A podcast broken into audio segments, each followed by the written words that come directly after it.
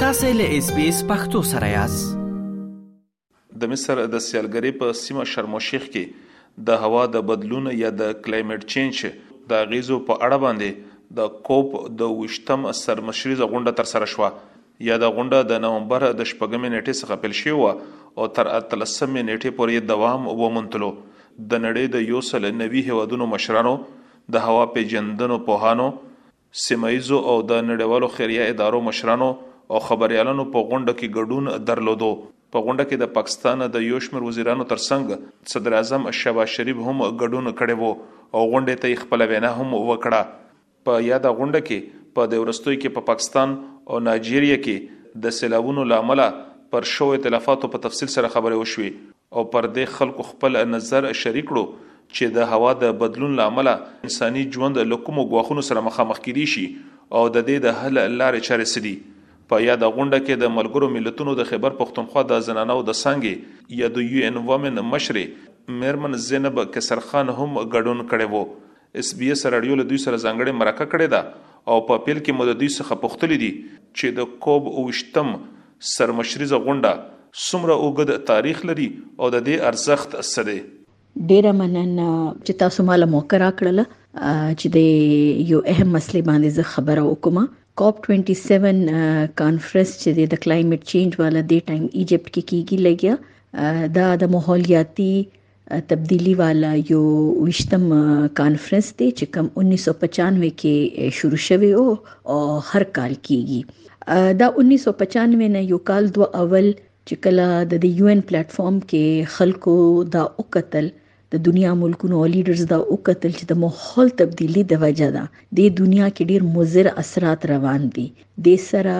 اکانومي خرابېږي لګیا انساني حالات خرابېږي لګیا او چې کومه نېچرل مونږه هابټټ دی هغه خرابېږي لګیا نو هغه دا وګڼل چې مونږه د ټول یوځای کینو او سلای عمل تیار کو چې کم طریقې سره په دې سیس باندې موږ کار کولې شو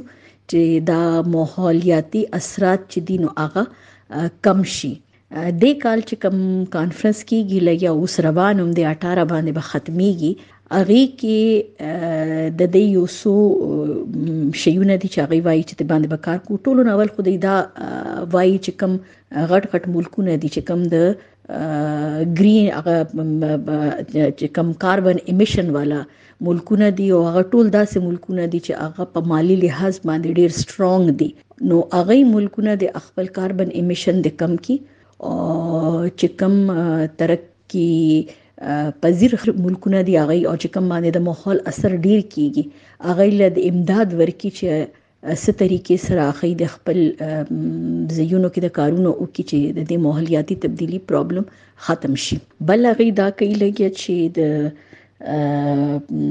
کم ګلوبل وارمنګ دی نو د ګلوبل وارمنګ کم کولو د پاره سس کارونه کول دي او هغه کارونه به ست طریقې سره چې دینو هغه ګلوبل وارمنګ اثرات به کم کړي او بل د دا ویل دي چې لکه کلایمټ فاینانسینګ چې څومره هم د ماحولیاتي تبدیلی ته کم کول باندې مالی امداد یا د مالی طریقې کار پکار دی نو هغه باندې ډیر زیات سټریس اچي لګي او اهمیت ورکړي لګي چې دا د موږ خطرې کې سره وکړو زینب کسرخانه قدار ته ووایي چې تاسو په غونډه کې په کوم ټکو باندې خبرې وکړې او کوم موضوعات مو ګډونوالو مخې ته کېښودل زه به اوریدون د پاره دا وایم چې زما تعلق اقوام متحده یو داسې ادارې سره دی چې کوم د صنفي برابري او ښځو حقوق باندې کار کوي د کانفرنس کې زما دا کردارو چې زه د پاکستان کې ماحولیاتي تبدیلی د وجنه کم مضر اثرات په خزو او جنکو باندې وی هغه وړاندې کما چې موږ مثال واخلو د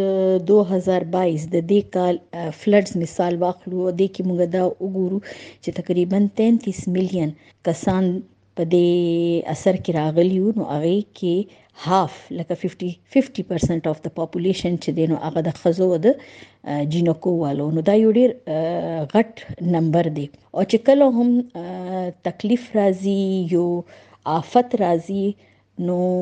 چې کم کمزورې کسان وي نو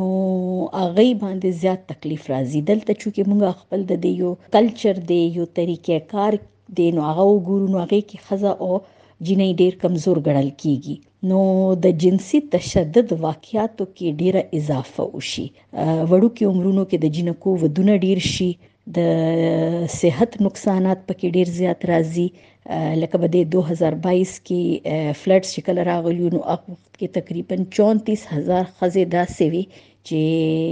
هغه پریګنټ وي او هیلث فیسیلیټیز بالکل نو چې کوم د هغه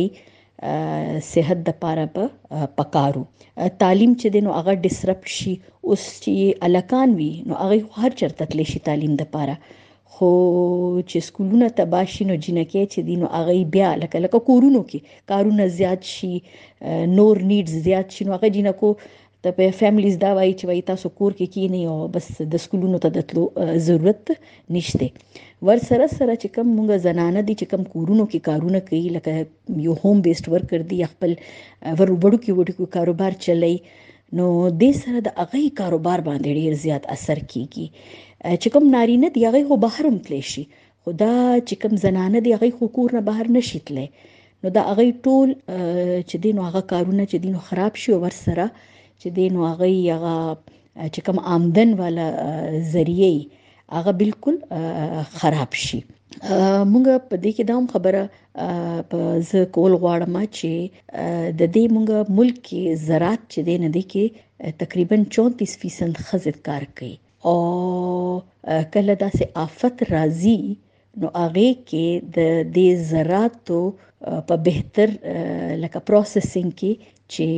کم خزه کار کوي او د دې ټول شیونه کېږي نو هغه هم یو اثر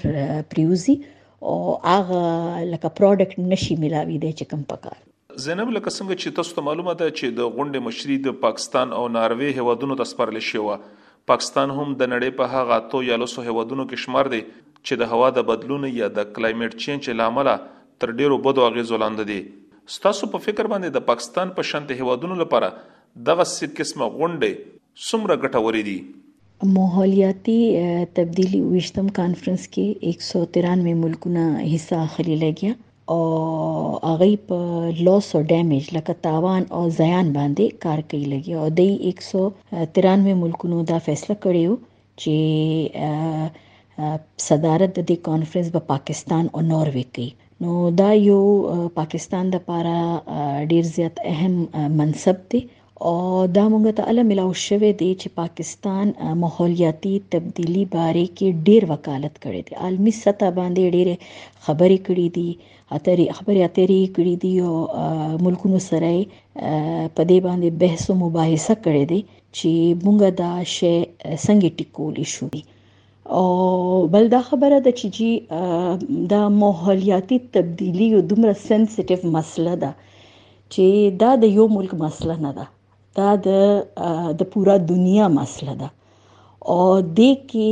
یو پهلو نه دی د دې په انسان باندې په ماحول باندې په اوبو باندې په ذرات باندې په اوشن لایف باندې په لند لایف باندې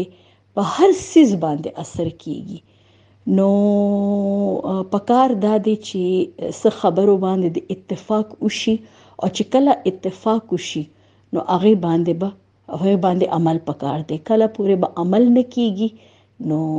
تبدیلی مشکل ده دا وه د ملګرو ملتونو د خېبر پښتونخوا د زنانو د څانګې یا د یو اېن وومېن مشره زېنب قېصر خان چا چې د مصر په شرم الشېخ سیمه کې د هوا د بدلون د نړېوال کانفرنس کې ګډون کړی وو او پر دې اړه یې خبرې کولې. پاکستان په یاده غونډه کې د نړېوالو څخه غوښتي دي چې د هوا د بدلون له امله پاکستان او دغه شانتې نور غریب هېوادونه تر ډېرو بدو اغېزو لاندې راغلي دي او د دې په شا د هغه لویو اقتصادي هېوادونو لاس دی چې په هوا کې په ډېر مقدار سره زهرجن ګیسونه خپروي او د دې له امله په هوا کې ډېر لوی تغیر یا بدلون راغلی دی چې بیا د افتونو شکل اختیاروي او انساني ژوند ته لوی زیان اړوي اسلام ګل افریدي اس بي اس راډیو پېښور. اس پی اس پختو په فیسبوک کې تا کې پلی مطلب یو فاک کړئ نظر ور کړئ او له نورو سره شریک کړئ